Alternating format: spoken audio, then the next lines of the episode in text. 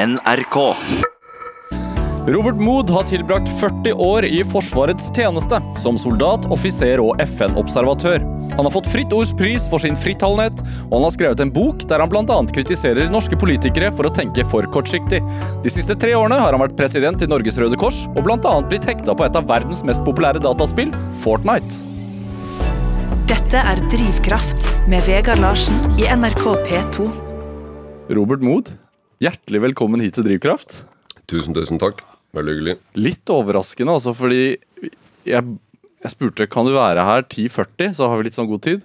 Du var her 10.47. Ja.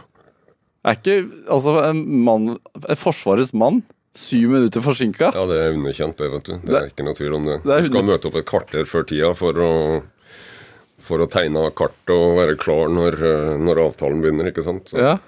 der skylder jeg igjen. ja. Er, blir, blir du liksom pinlig berørt når sånne ting skjer, eller er det Nei, jeg er vel blitt for gammel til å bli pinlig berørt av, uh, av veldig mye Av noe som tatt, helst. For å være helt ærlig. det blir som det blir. Ja. Men jeg, jeg Jeg prøver å være presis, da. Ja. Et- Etter 40 år i Forsvaret, altså hvor, hvor yrkesskada blir man i forhold til rutiner hjemme hos seg sjæl og i privatlivet og sånn? Jeg stiller det spørsmålet til meg sjøl ganske ofte, da. Um, og innbiller meg, innbiller meg jo at det, det ikke er så ille, men jeg vil jo tro at hvis du spør, spør kona, så er det smått irriterende at jeg slår lyset av hver gang jeg går ut av et rom. Jeg lukker inn alle dører til rom og lukker skapdører og har noen sånne Sikkert noen sånne ordenshiccups som de rundt meg syns er innimellom litt slitsomt. Tellekanter. Nei, det er jeg dårlig på. Vi har, jeg har, eh, har heller sånn kurver, da. Hvor treningstøyet går opp i, og fritidsstøyet og sånt. Revelje, revelje klokka seks. Nei, halv seks så er det, så er det revelje, da. Da går kaffen på. Ja, Det er ganske fast. det er fast. Er det og, og, Da må jeg gjennom alle nyhetene, da. Så da starter jeg med de norske, og så går jeg ut i verden, og da går det tre kvarter med nyheter og oppdatering. og så er det treningsrunde?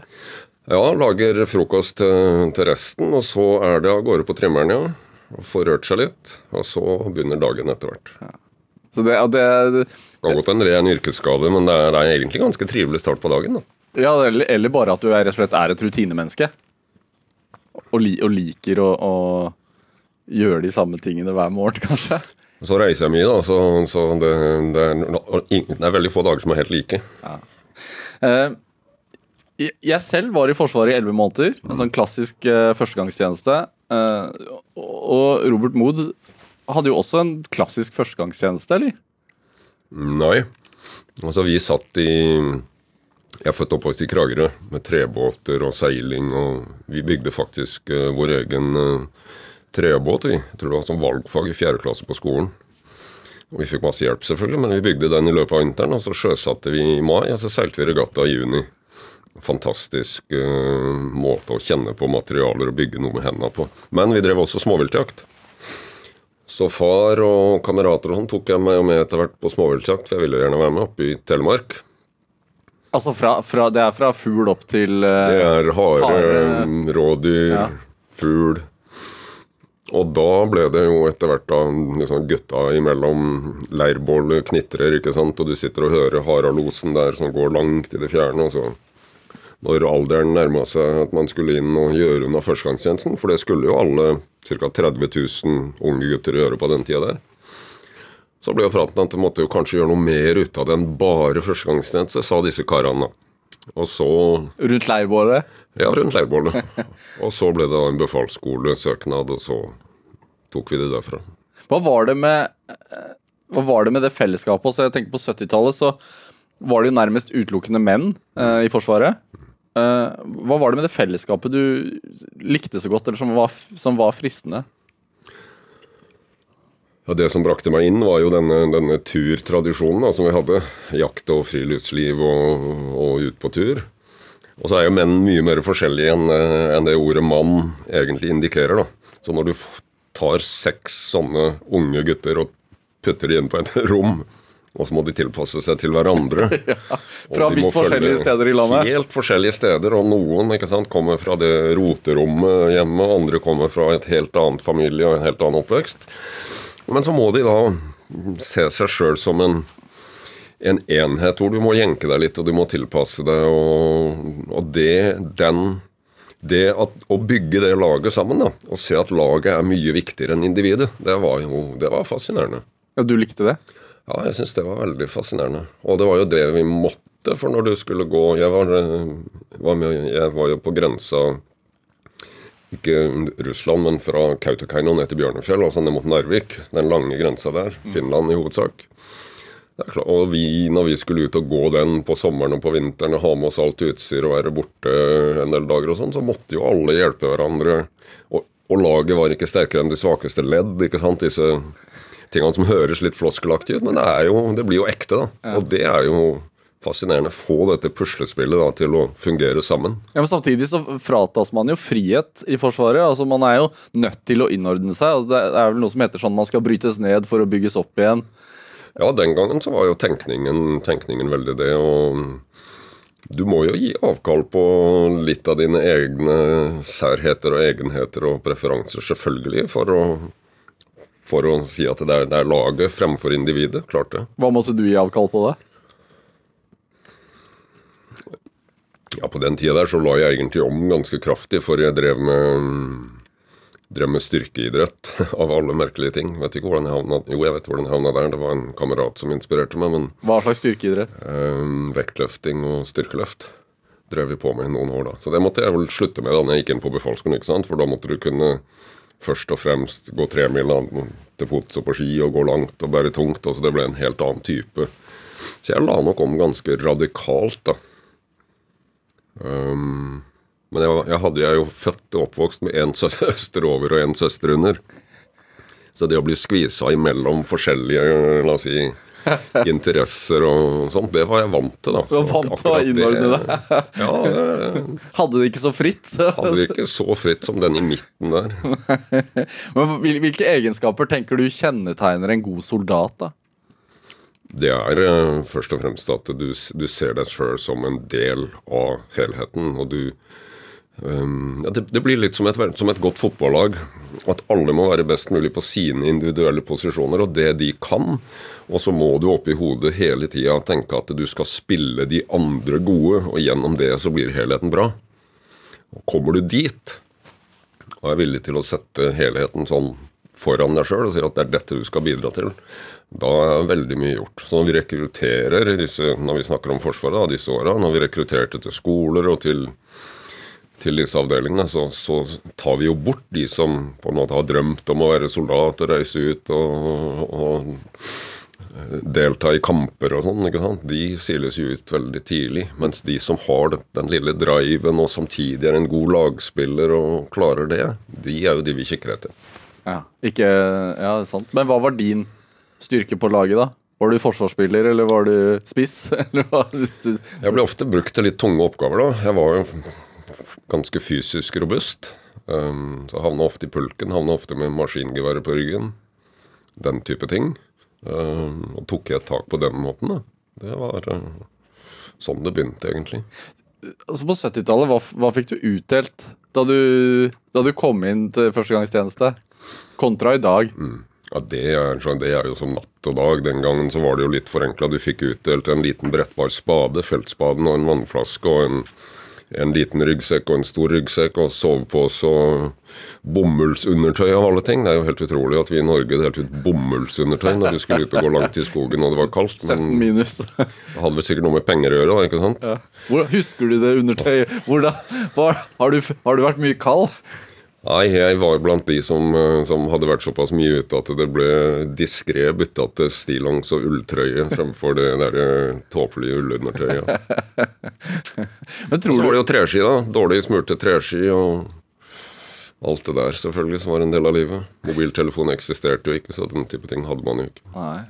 Og i dag så får man uh, oppakninger som i dag er um, den norske soldaten moderne utstyrt. Vi, dette var et mentalitetsskifte um, rundt midt på 90-tallet, fram mot 1999, når vi dro til Kosovo med nesten 1000 norske unge kvinner og menn.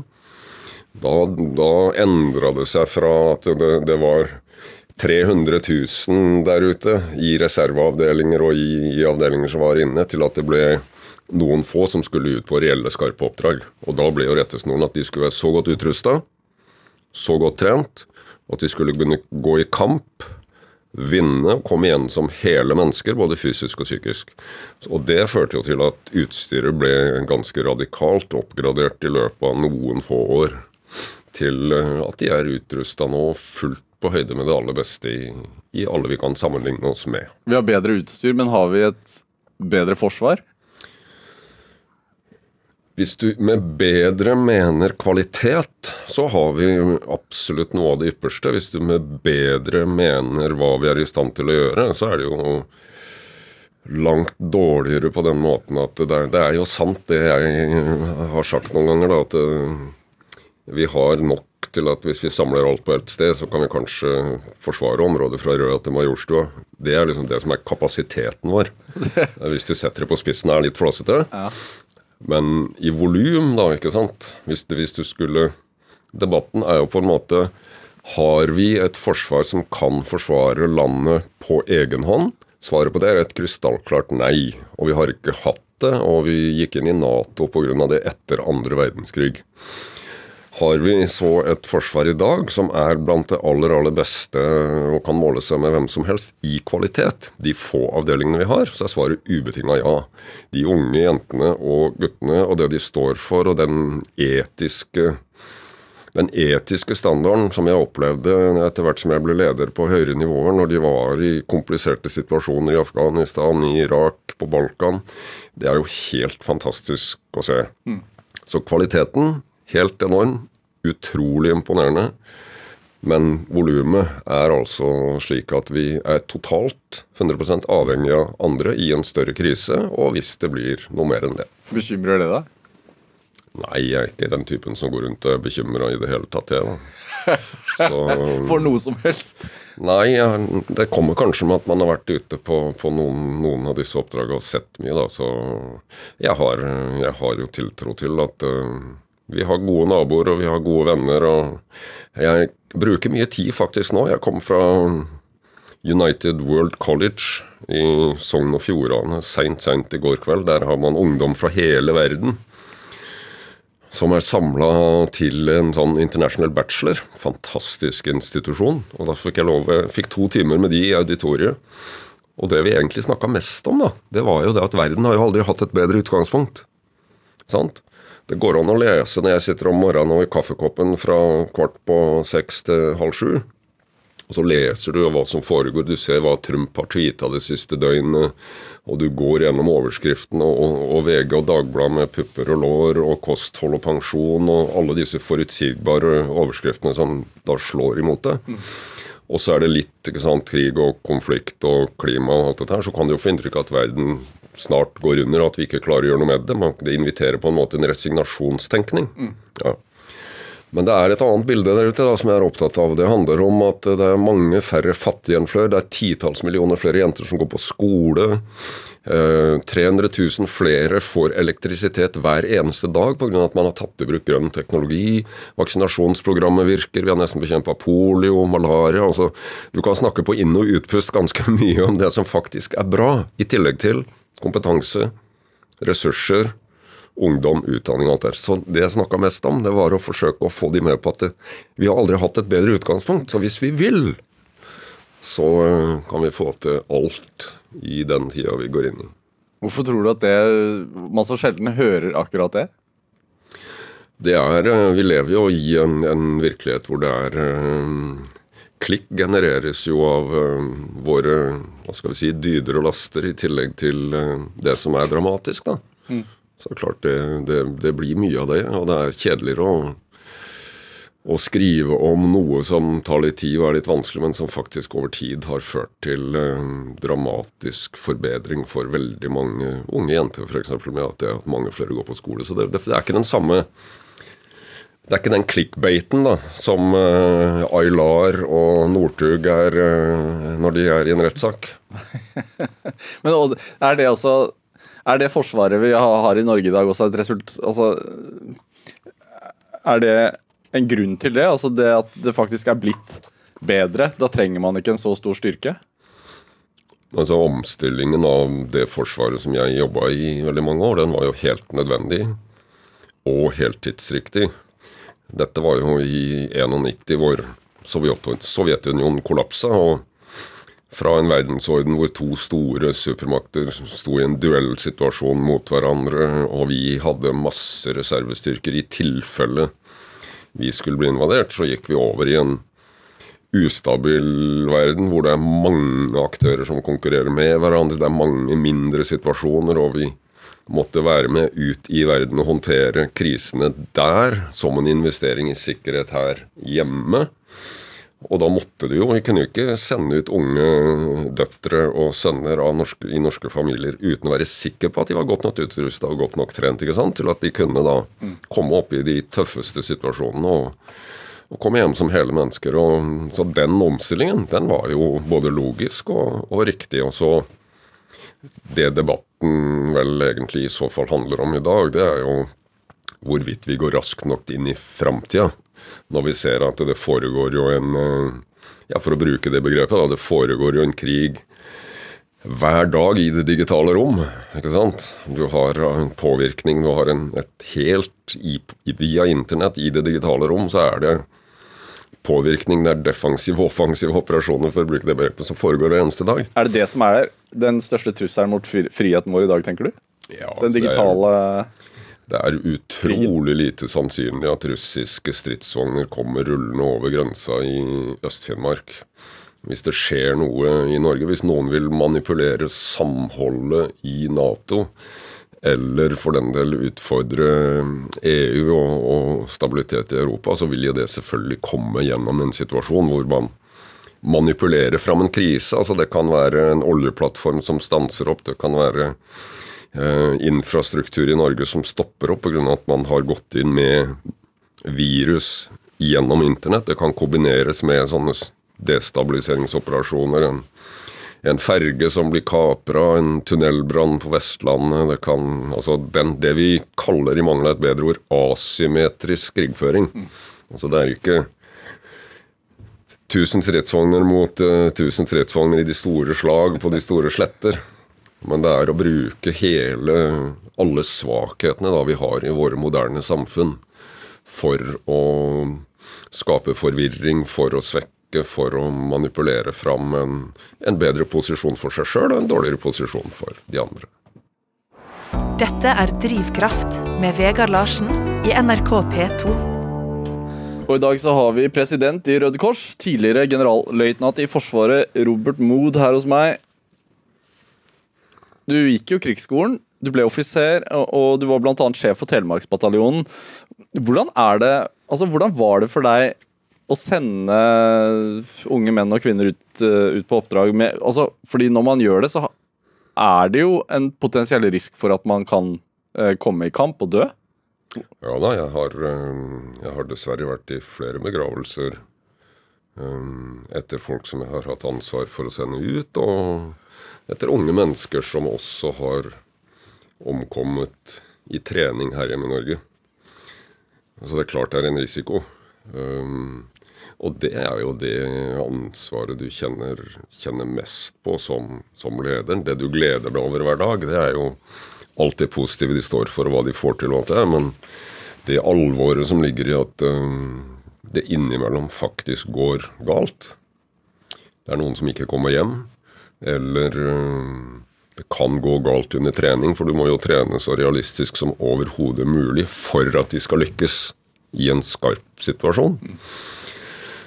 Så det er klart, det er det, det er det, de aller fleste ikke, ja, Jeg tror jeg kan trygt si alle ledere i den type virksomheter kjenner mest på. Den, den, den frykten som hele tida ligger der. Men den, den, må jo brukes til å inspirere, da. Den må jo inspirere til at du sørger for eh, utstyr og trening og best mulig opplegg. Men det alvoret, det ligger der. Hvordan, hvordan, eh, jobber man med det med seg selv? Altså, med, altså når man da signerer på at ja, nå skal dere reise dit og dit.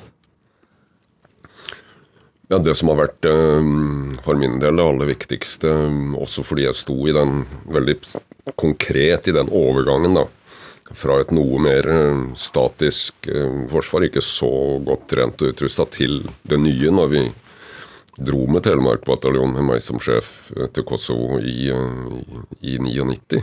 Det var jo akkurat det å gå gå full fart inn i oppgaven med å sørge for at uh, treninga var så bra som overhodet mulig, og jobbe med de som skulle skaffe materiell, så det ble så godt som mulig. Så inkluderte vi familiene. Det var uh, noe vi uh, gjorde som kanskje var, var, ganske nytt på den tida, hvor vi inviterte kjærester og mødre og barn og fedre til åpen leir, og når vi dro ut, så inkluderte vi familiene for at det også skulle føre til en trygghet hos, hos de unge soldatene på den måten. At jeg skrev brev hjem til mor og far da. Fortalte hva vi hadde gjort og hva vi hadde drevet på med. Sånn at, Også med da stor åpenhet om hva som foregikk, slik at forhåpentligvis i de fleste tilfellene så så hadde de den tryggheten der hjemme. da, At de hadde lest, de skjønte hva vi drev med, og de visste det meste mye bedre enn når det kom sånn litt mer sensasjonspregede overskrifter da i, i avisene. Så det var nok øh, å stupe inn i oppgaven og jobbe med utrustning, trening, jobbe med etikk, etiske valg, vanskelige valg. Krigens folkerett, et høyaktuelt tema i denne sammenhengen. Og de er så trygge på seg sjøl at de gjør det rette valget når du har frykt i magen og puls i ørene og adrenalin eh, helt opp. ikke sant? Så det er å gå inn i den rett og slett den profesjonaliteten og jobbe med det. Men det er jo unge mennesker det er snakk om, da. Altså fra 18 til starten av 20-åra. Er man Er man reflektert nok? Vet man hva man er med på? Jeg har jo latt meg imponere over uh, refleksjonsnivået hos ungdommen med, med, mange anledninger. da, og Noe av det som imponerer meg mest, og imponerte meg mest den gangen med de som søkte seg til Telemark-bataljonen, for nå er, vi, nå er, vi, ute av den perioden hvor alle skulle inn, mm. og ganske raskt, pussig nok, pga. at uh, det ble sånn uh, kameratrekruttering, som jeg kaller det. Altså de Venninner fortalte venninner at de hadde fått lov til De fikk ansvar, de fikk tillit, de fikk utstyr, de fikk oppgaver. De fikk en oppgave som var vanskelig, og så lykkes de med det. Og så en som var litt mer vanskelig, og så lykkes de med det. Så den, den mestringsfølelsen de fikk da, i dette litt litt nye systemet, den litt nye tilnærmingen i, i, i, Forsvaret, det spredde seg da fra jente til jente og fra, fra gutt til gutt. Så det, det betød jo at vi fikk jo utrolig reflekterte unge mennesker som vi hadde, vi hadde med oss en drivende god eh, prest i avdelingen, husker jeg, på, på den tida. Aslak het han, forresten som da hadde, hadde, samlinger med disse. Da. da problematiserte man alle de vanskelige temaene og snakka om liv og død. og Det å ta liv, det å miste en kamerat eller venninne. Og gå gikk inn i de refleksjonene på en sånn måte at det skulle, det skulle ikke være farlig. da. Mest mulig åpenhet rundt den type ting også. Ja, hvordan prater man om det? Om, om det at man kan havne i situasjoner der man er nødt til å ta liv? Mest mulig åpent og helt direkte. Gå inn i Altså, da snakker du Jeg var med på en sånn uh, runde for bare en par måneder siden med nåværende Telemark-bataljon. Og da brukte jeg av min, min, bakgrunn å fortelle om de episodene jeg hadde vært oppi. ikke sant? Og kunne fortelle om. Hva er det da? Og så kunne de fortelle om uh, når du kjører opp en dal, da, for å bruke et ikke sant? Når du kjører opp en dal i Afghanistan, så dukker det opp sånne dukker det opp hoder oppi lia. Ja. Og det kan være en nysgjerrig gjeter som hever hodet for å se hva, hva er dette som bråker så fælt ned, ned og, og, støver nede i dalen. Det kan også være en opprører som har fingeren på fjernstyringa til den bomba som er gravd ned rundt svingen i stikkrenna. Eller det kan være den opprøreren som har mulighet til å kontakte de som ligger i bakhold to kilometer lenger inn. Og da, hva, hva, gjør du da? Når kan du si at det hodet der oppe er en fiende? Når har du etter krigens regler anledning til å skyte? For du har jo da skarpskytterrifler som gjør at du kan skyte. Og det å gå inn i helt konkrete eksempler og få Sånn at de kjenner på følelsene, sånn at de klarer å se seg sjøl i så, en sånn valg, vanskelig valgsituasjon. Og så fortelle da om sant, krigens regler og hva som er rett og galt, sånn rent teoretisk. Men så gå inn og prate om det. Og du ender selvfølgelig opp med da at du skal jo også leve med det etterpå. Uansett hvilket valg du gjør. Så de samtalene og den type bearbeiding blir jo brukt um, veldig mye i avdelingene som, som, skal ut.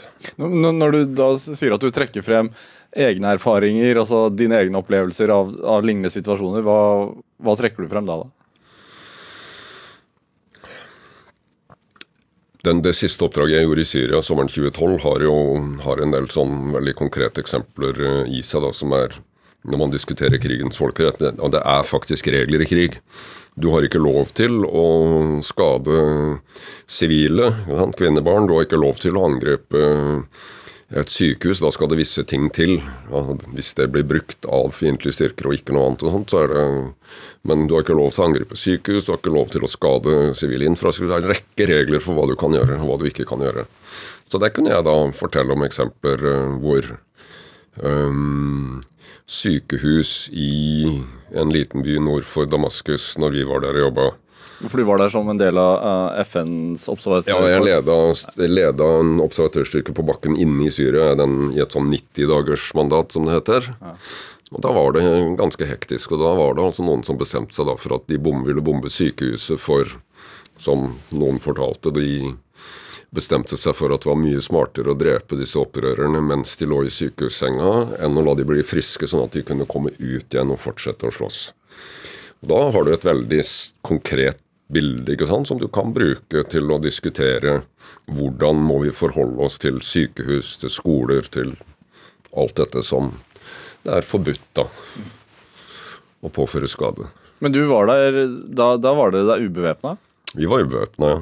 Men var, var, det ikke det var, altså var det i Homs også at det var en mann som ble skutt rett ved dere?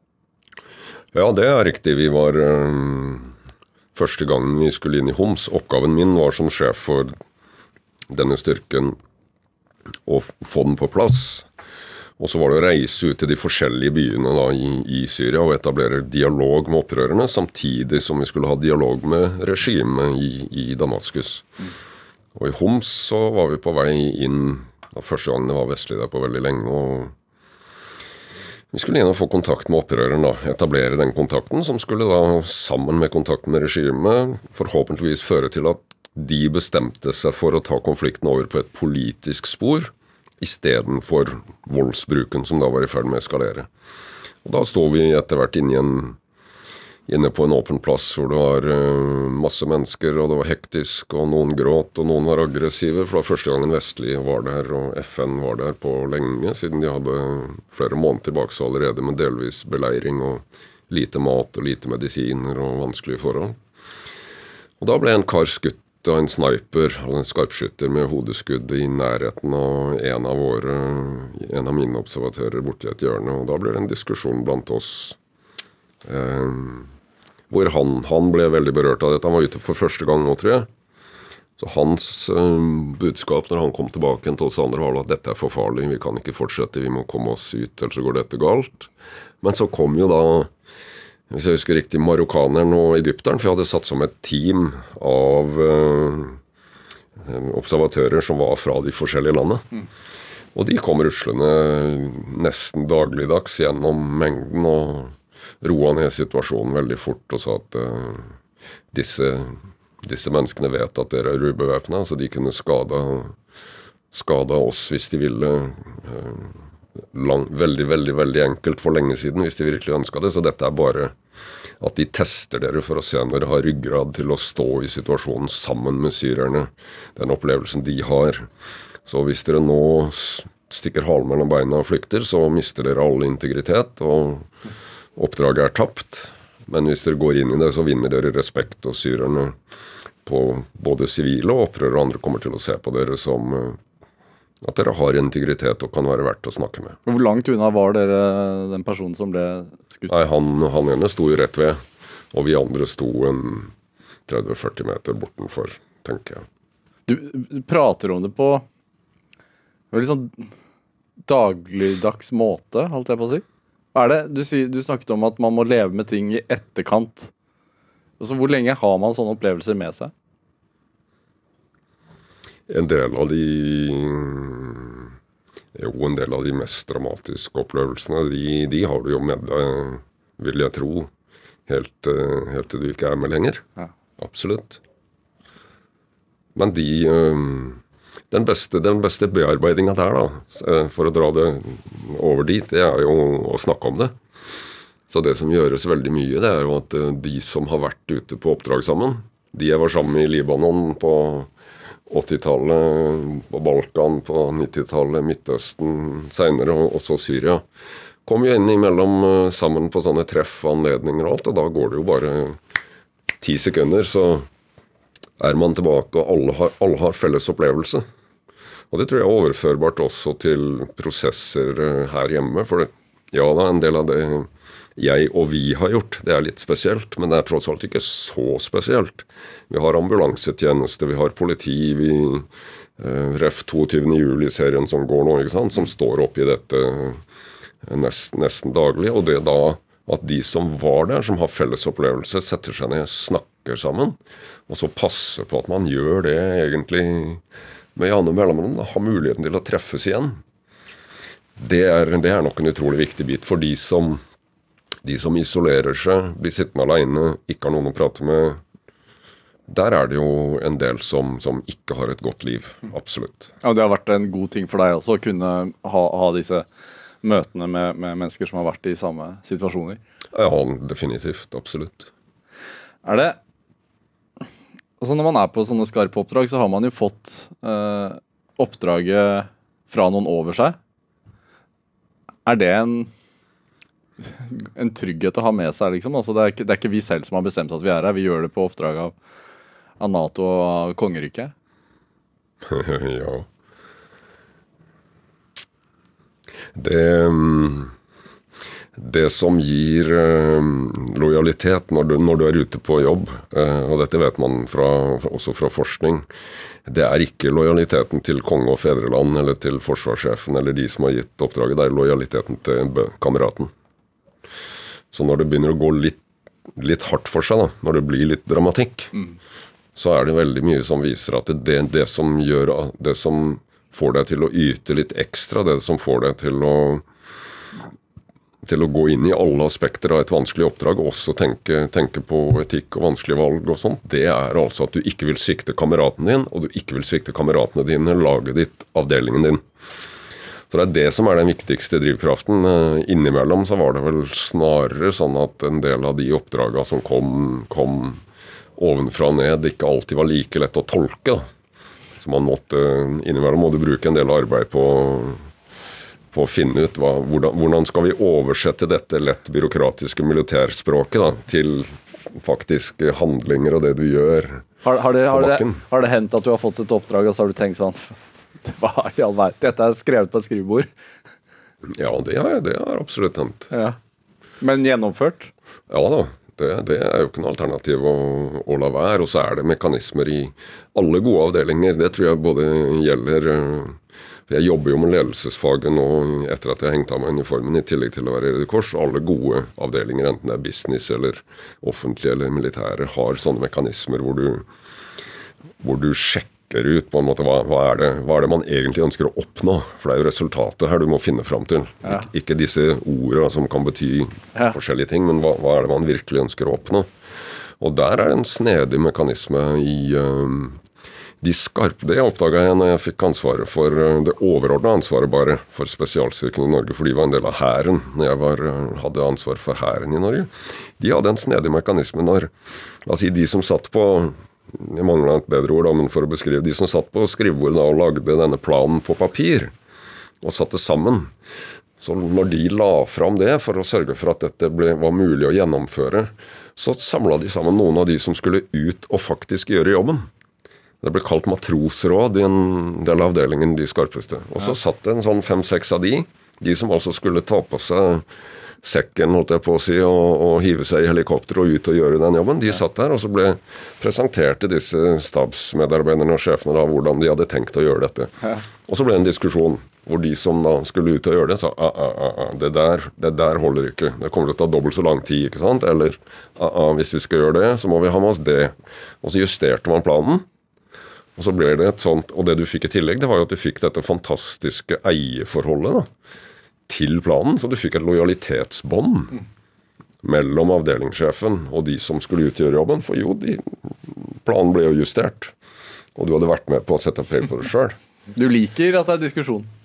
Diskusjon er bra. Det er, det, er, det er, livsfarlig hvis du ikke tør å ta de tøffe diskusjonene. Dette er Drivkraft med Vegard Larsen i NRK P2. Og I dag så har vi president i Røde Kors, tidligere generalløytnant i Forsvaret Robert Mood her hos meg. Vi snakker om det å tørre å ta de tøffe diskusjonene, at det er viktig for deg. Altså, du, du, har jo sagt det at du ikke liker ja-mennesker. Mm. Det, går det på det samme? Det er absolutt noe av det samme. Når um, Og det, det, det, har jo forundra meg, da, for um, hvis man tar det stereotype den stereotype forestillingen om, om Forsvaret. da. Vi begynte litt tidligere med det i Nord-Norge for mange tiår siden. Men tar man en stereotyp oppfatning, så er det på en måte eh, nikkedukker, roboter som, som, får en ordre og som går rett fram og ikke til høyre, ikke til venstre. ikke sant? Og, er, er, det ikke sånn? Det er, det er mulig det er sånn i På rekrutten er det ofte sånn. rekrutten er det nok kanskje litt sånn, men i de avdelingene som er ute og løser uh, oppdrag, og i veldig liten grad, så, så, så, fungerer jo det. Det fungerer ikke i Forsvaret. Det fungerer ikke i avdelingen, det fungerer ikke på skolene, det fungerer ikke nesten noen plass. Så det, men det som fungerer bra, da, det er når du setter sammen forskjellige mennesker med forskjellig bakgrunn, som tør å ta problemstillingen opp på bordet. Det verste som er, det er jo når du sitter i et ledermøte, kommer inn i et møte, og så går, forlater man møtet tre timer seinere, og det er sagt veldig mye. Men de fleste går ut av rommet og tenker at det vi egentlig skulle diskutert, det berørte vi aldri. Mm. Fordi at vi, er, vi, har en sånn tendens innimellom da, til at disse elefantene får lov å gå rundt i kråkene istedenfor å legge de på bordet, hvor du tør å si at nei, sjefen eller hvem det nå er, dette er, dette er en dårlig idé, dette må vi diskutere, og så ta den diskusjonen. Da det blir et bra, bra resultat. Det er jo, altså Du skrev i boka 'Ansvar, ledelse er ingen populær populær konkurranse' for et par år siden. Og der, der, skriver du om disse ja-menneskene, og så beskriver du også svakt politisk lederskap. Eh, at du, du, sier noe sånn at våre politiske ledere tenker for kortsiktig. Altså at det er kanskje for mye Ikke ordrett dette her, også, men at det kanskje er for mye populisme og retorikk da, i, i norsk politikk. Ja, Det som, det som trigga, trigga, de refleksjonene vi, vi, snakker om der, det er at jeg har møtt jeg har møtt um, ganske mange politikere, partiledere inklusive, som har vært helt åpne på å hevde at politikk er ikke å lede. Altså politikk er ikke ledelse. Og da, da hva, er, hva, er, det da? Da undrer jo jeg, ikke sant. For hva er det da, hvis ikke det er ledelse? Um, og det var jo det som trigga, trigga refleksjonene der, da. Hva, hva, hva, svarer de på det, tror du? Altså, Hvis det ikke er ledelse, hva er det da? Nei, da er det at altså, Politikken har sitt eget dynamikk. ikke sant? Politikk er et eget fag. Politikk er uh, alle disse ting. Og da er jo da hvor jeg inviterte til en refleksjon i den boka, hvor uh, min innfallsvinkel er at ja, men hvis politikk er blitt bare et spill for spillets egen skyld i for stor grad, hvem er det da som skal lede landet vårt inn i framtida og skal se de store utfordringene i øynene og, og aksle å være leder istedenfor å være administrator eller den type leder som skyver ansvaret fra seg istedenfor å bære det, og det som du kan identifisere som sånne positive knagger da, rundt ledelse. Hva tenker, om, hva tenker du om måten landet blir ledet på i dag, da? Jeg tror ikke jeg skal gi karakter på, på verken statsminister eller andre, men uh, når vi ser at uh, i, i, mitt hode da, så forenkler jeg de store utfordringene til at uh, atomkrigen har rukket mye nærmere. naturen ødelegges, og konsekvenser av klimaendringer de ser vi nå rundt oss hver dag. det er ingen tvil om det. Og hvis vi da skal få til å håndtere disse utfordringene, så trenger vi en kraftfull ledelse. Da trenger vi ikke en, eh, en diskusjon hvor man forsøker å skyve ansvaret over på hverandre fra seg istedenfor å aksle ansvaret. Da må, vi, da må vi tørre å si sånne ting som at uh, vi har verdens beste utgangspunkt. Vi skal gjennom et grønt skifte. Det haster. Hvordan skal vi få til det? Det er vårt ansvar. Min generasjon har stått for mye av det vi er der vi er i dag. Men vi har allikevel verdens beste utgangspunkt. Og så legge en, la si, en overordna nasjonal strategi for hvordan man da skal komme gjennom det litt ruskete farvannet. Ikke bare ta hendelsene som kommer sånn litt etter litt, og administrere seg gjennom de. Hvorfor er det oppleves det altså Hvorfor får du kritikk for å uttale deg på den måten som du noen gang får? Det er vel øh, kanskje fordi at øh, og Jeg vet ikke om det er litt særnorsk, men kanskje er vi ikke så veldig flinke til å, å være tydelige da, og sette ord på, ord på hvilken situasjon vi egentlig er i. En eksempel som jeg innimellom syns jeg greier å bruke der. Vi sier jo at øh, Norge er et lite land. Det hører du ofte. Ja. Og ofte så er det fra, fra ganske høyt nivå, da. Og det, det er men det er jo ikke sant. Det er på grensa til løgn. Norge er ikke et lite land. Men det sies som, som uttrykk for at man ikke har den innflytelsen man syns man burde ha. Spiller ikke noen rolle hva vi gjør. Til, eller spiller ingen rolle hva vi gjør. Ja. Så, det, men, så hvis, du, hvis, du, heller vil snakke om Norges situasjon med utgangspunkt størrelse, så er jo sannheten at vi er et av verdens største land. Vi er verdens nest lengste kyststripe. Vi har ansvaret for 25% av gassforsyningen til Storbritannia. Vi har sju ganger større sjøterritorium enn landterritorium. Og vi ligger veldig strategisk utsatt til. Og det er noe annet enn et lite land. så, så de, og, og, dine erfaringer og hva, hva, Norge har fått til kanskje eh, i, i, i, Nato og på oppdrag og sånne ting også, tilsier kanskje at vi heller ikke er et lite land, eller? Nei, vi er i den uh, klubben som sånn litt floskelaktig da beskrives som at we are punching above our weight. Uh, for vi har nok helt åpenbart uh, en innflytelse takket være dyktige politikere, og ikke minst dyktige soldater og diplomater og andre som har vært ute i verden og, og imponert gjennom en flott innsats, gjør at vi blir lytta til. Og så har vi penger, da, og det hjelper jo selvfølgelig. Eh, du, ble jo, du ble jo far i voksen alder. Hva har det påvirka tankene dine om Norges fremtid, tenker du? Ja, det tror jeg absolutt. Det å stå i det å stå i, i, si, i barnehagemiljø og i skolemiljø og idrettsmiljø og ha det tett på deg når du blir voksen, det inspirerer deg til å tenke og se at du har ansvaret for fremtidige generasjoner mye mer direkte. Hvordan har det forandra deg, tror du? Ja, det har jo forandra livet mitt på den måten, og det er jo da en del av den, den virkeligheten, virkeligheten ja. hver dag. Uh, så mye jeg klarer. Og så har det nok inspirert til å være litt tydeligere. Og, jeg tror også det har inspirert til faktisk å tenke at det er en forpliktelse. Hvis folk syns jeg er plagsom innimellom i, i debattfora, så, så, er mitt utgangspunkt heller at det, det, det, det, er en forpliktelse. Hvis du har hatt et langt og privilegert liv og et yrke som har gitt noen erfaringer som kan være spesielle, så er det jo en forpliktelse til å være med i den store samtalen. da. Og vi må jo snakke sammen, vi må diskutere, vi må være uenige. Vi har alle en forpliktelse til å delta i den samtalen. Og selvfølgelig så er det jo slik at det er eh, litt skammelig da, at min generasjon har stelt så dårlig med natur og klima som det vi har. Så det å se på de unge på håndballbanen eller ute i skiløypa eller hvor det er, det inspirerer jo da til at uh, hvis man kan bidra i den diskusjonen. Eh, så er det nesten en forpliktelse.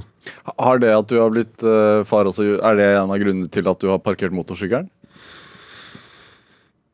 Nei, hovedgrunnen til det var at jeg dro av veien i juni i fjor og endte opp med en haug med brudd og litt annet greier som tok ei tid å trene meg opp igjen fra. Så, og når jeg satte meg på sykkelen igjen uh, seinere, så, så, var jeg faktisk uh, litt skvetten. Ja. Jeg merka at jeg var litt skvetten. Er det første gang Robert Moda har vært redd? Nei, det er det ikke. Det, nei, det er det ikke. Og lang For, eh, betenkningstid. Ja, for eh, Nei da, det er ikke det. Fordi det å mestre frykten, det å, det, det å være redd, men ikke bli paralysert, det er jo en del av, av, av spesielle yrker, og det er selvfølgelig noe jeg også har har jo selvfølgelig vært redd i mange situasjoner, men du, du prøver altså å mestre det. Hvordan gjør man det, da? Bruker det til noe positivt. Ja. Men du er, du er, du er hel igjen i dag. Ja da, det er bare småtteri igjen. Ja. Og det er noe igjen etter fallet. Jo, men leddbånd tar litt lengre tid enn ribbein og sånt, så det, så det Nei da. Det, Men det med frykt, hvordan mestrer man det? Hva har du det viktigste er jo gode forberedelser og god trening. Sånn at du, du er innstilt på å gjøre jobben. Og det, det må jeg ha lyst til å si at mm, Å tro at det er noe spesielt for uh, la oss si, de skarpe avdelingene i Forsvaret, det er en stor misforståelse. For eh, noe av det som har imponert meg mest, og kanskje fullt på høyde, om ikke mer enn eh, noen av de avdelingene i Forsvaret som har vært ute og løst oppdrag, det er jo eh, hjelpekorpsaktører. Uh, F.eks. Lyngen hjelpekorps som rykker ut i orkan. og Det er altså omtrent så du må holde deg fast i bakken, og så allikevel så kommer de seg ut i fjellet og får redda de som er der, og kommer seg ned igjen. altså det, det lederskapet, den måten de bruker frykten til noe positivt, og til å gå inn i det og få gjort jobben og ta vare på hverandre, det er jo helt enormt å oppleve. Dette er Drivkraft med Vegard Larsen i NRK P2. Og i dag så har vi president i Røde Kors, tidligere generalløytnant for Forsvaret, Robert Mood her hos meg. Jeg hører rykter eh, om at du Altså, Røde Kors eh, lanserte jo eh, en sånn eh, spesialversjon av dataspillet Fortnite for litt siden. Som er et av verdens mest populære dataspill. Ja. Et krigsspill. Ja. Og så lanserte dere en sånn spesialversjon. Og jeg har hørt rykter om at du er blitt hekta på det sjæl. Det. Kunne vært artig å bekrefte ryktet, men det, det ryktet er ikke helt sant. Det er ikke sant? Nei, det er ikke det. Så du sitter ikke oppe til langt på natt og spiller? Jeg gjør ikke det, men det hender veldig ofte at jeg setter meg ned mellom eh, de tre guttene som sitter i loftstua hjemme og spiller forskjellige spill. Ja. Og vil jeg ha prøvd òg, absolutt. Og vil vite hva de spiller, og hva som skjer, og hvilke regler det er, og litt sånt. Det hender ofte. ja. Men, men eh, du spiller ikke selv? Nei. Nei. Men det med, det med Fortnite-spillet er jo utrolig eh, spennende, fordi at eh, i en del av disse spillene, da, dette er jo et sånt spill hvor du du kan gjøre hva som helst og reise deg og gå videre, og, og du kan påføre skade og du kan drepe og sånt. ikke sant? Last, last man standing, sistemann som overlever, er på en måte den som vinner, og det er ingen regler overhodet. Og der er jo ungdommen, da. Det er, eh, det er 250 millioner Fortnite-spillere på verdensbasis. Et par. Et par, ikke sant? 96% av norske unge gutter spiller eh, et spill, og 63% av unge jenter spiller et spill. Så dette er jo en verden hvor ungdommen er, og der må jo selvfølgelig Røde Kors være. Og der må vi få fram at det faktisk er regler i krig. Og når man kan da få Rhinox, ikke sant, eh, vår verdensmester i duo eh, Nå snakker, du, nå snakker du sånn spillingo. Altså. Spilling, ja, ok. Ja, Verdensmester i Fortnite med, med rollenavnet Rhinox, da. Ja. når, han, når han kommer og sier at etter at vi har lagd til dette life run, da, denne modusen i Fortnite, eh, som gjør at du, du, du får i oppgave i løpet av fem minutter å finne materialer for å reparere vannforsyningen, finne materialer for å bygge opp igjen skolen, eh, gjøre en positiv gjerning. Når han sier at det er gøy og artig og, og prøver det og sånt, så da får vi jo inn da, én, vi er på arenaen der hvor ungdommen er, og to, vi får inn at det er regler i krig. Og det er en arena vi må være på som stor frivillig organisasjon. Ja, altså angående det eh, med, med Røde Kors, altså du, du gikk jo pensjonerte deg fra Forsvaret etter 40 år, og, og året etter så ble du valgt til president i Røde Kors. Hva er likheten, tenker du, mellom Røde Kors og, og Forsvaret? Dette starta faktisk i New Delhi. Jeg satt sammen med en gruppe av generaler hvor vi skulle lage et innspill til FN. Hvordan kan FNs fredsbevarende operasjoner bli bedre? Og Da fortalte de indiske generalene at når de, når de var ferdig med tjenesten i Forsvaret, så Jeg ble litt overraska, men, men var, da fortalte de at da dro de tilbake igjen til landsbyen de kom fra, eller byen de kom fra, og så gikk de inn i veldedig virksomhet. eh, barnehjem for, for eh, de som ikke hadde et sted å bo, skoler osv. osv.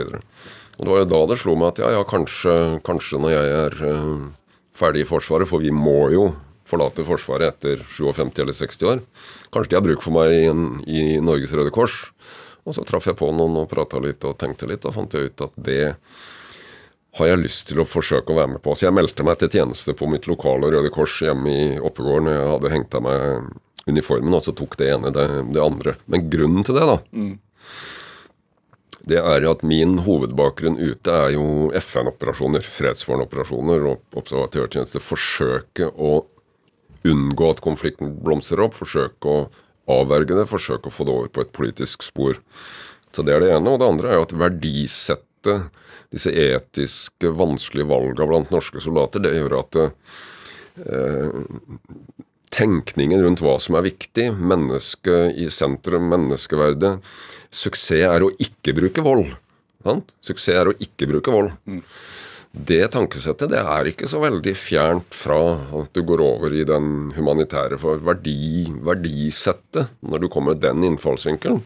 Og for øvrig den norske vinklingen på hele forsvaret vårt er jo at eh, det vi gjør med Forsvaret, gjør vi for å slippe å bruke det. Sant? Hva, hva, hva er det du faktisk gjør da som president? Å være president i Norges Røde Kors, det er å være På business-språket så er det jo styreformann. Ja. For det er jo også en stor formell del her som skal gjøres. Det er 44 000 frivillige. Og en liten ansatt, ansatt struktur. Så det er en del møter. Jeg skal på, jeg skal på seminar i kveld. Her skal vi snakke om omdømme. Og et par ting til. Og så skal vi ha styremøte i morgen hele dagen, hvor vi da tar disse strategiske beslutningene på toppen i organisasjonen. Men i går og i forgårs så var jeg da i Sogn og Fjordane sammen med frivillige og sammen med dette United World College hvor vi er involvert, og det er rehabiliteringssenteret på Haugland, og det er sommerferie for alle, og du møter den aktiviteten der ute. Så det er kanskje det som er artigst, da. Hjelpekorps i fjellet og frivillig og fellesverk for ungdom, og, og møte virksomheten. Men jeg tenker på det at eh, Besøkstjeneste til eldre, og det må jeg også ha med. Det er en fantastisk virksomhet. Jeg tenker på det at eh, dere skal prate om omdømme. altså Røde Kors er jo upartisk. Men, men du selv som president er ikke redd for å være frittalende og også rette kritikk der du føler at den bør rettes. Altså, hva, hva, te, hva tror du de tenker om uh, ditt omdømme? Altså, hva, hva, tenker de om at du gjør det i forhold til oppdraget ditt?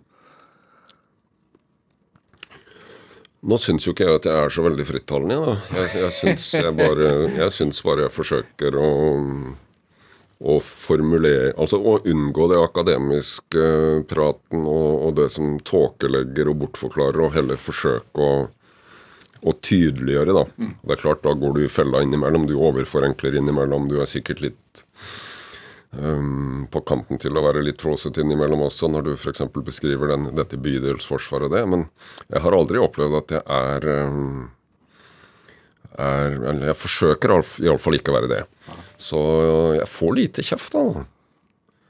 Får i hele tatt veldig lite kjeft. Og jeg kjører jo offentlig kommunikasjon òg. Jeg prater med folk på trikken og på tog, og det er det er stort sett hyggelige mennesker overalt som, som oftere gir uttrykk for at eh, de kjenner igjen det jeg sier, og at de tenkte over det vi snakka om, enn de som sier at dette her var jo bare tøys. Er det, er det, eh, det er gjenvalg i år?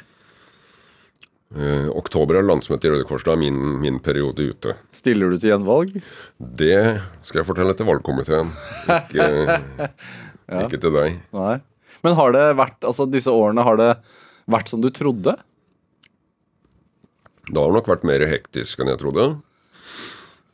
Ehm, fordi at det er jo så masse du gjerne vil være med på. Det er så mange frivillige du gjerne vil møte. Det er så mange lokalforeninger mm. sant, du gjerne vil til. Det går kvelder og helger og alt sånt. Dybden og bredden i Røde Kors var jo, var jo en overraskelse. Jeg, jeg tenkte jo assosiert jo båten på sjøen og Røde Kors-patruljen i fjellet. Men det er altså våketjeneste, det er fellesverk, altså ungdomshus for unge. Det er besøkstjeneste for, eh, eldre, det er eh, alle hjelpekorpsene våre, det er Røde Kors Ungdom som driver det vi kaller fellesverk. Så det er jo det er vitnestøtte. Det, det, er en så lang, svær liste som disse 44 000 frivillige driver med, at det, det overrasker meg at det var så mye. At frivilligheten på en måte er At det norske samfunnet er så Jeg tror nesten jeg kan si avhengig av frivilligheten. At det er en så viktig del av velferdsstaten vår som, som velferdssamfunnet vårt som det er, det har nok overraska meg litt. Ja. Er ikke det en positiv ting at vi stiller opp? Det er fantastisk positivt. Altså Fotballmammaer som er på trening, og håndballpappaer og, Røde Kors og alle de andre frivillige organisasjonene. Det er, jo, det er jo noe unikt som er vel verdt å ta vare på. Så der, eh, der må vi håpe at uh, regjeringen og andre som steller med den slags, uh, sørger for at rammebetingelsene blir så gode som mulig i tida framover òg. Ja. Eh, Robert Mood, hva, hva, tenker du er drivkraften din?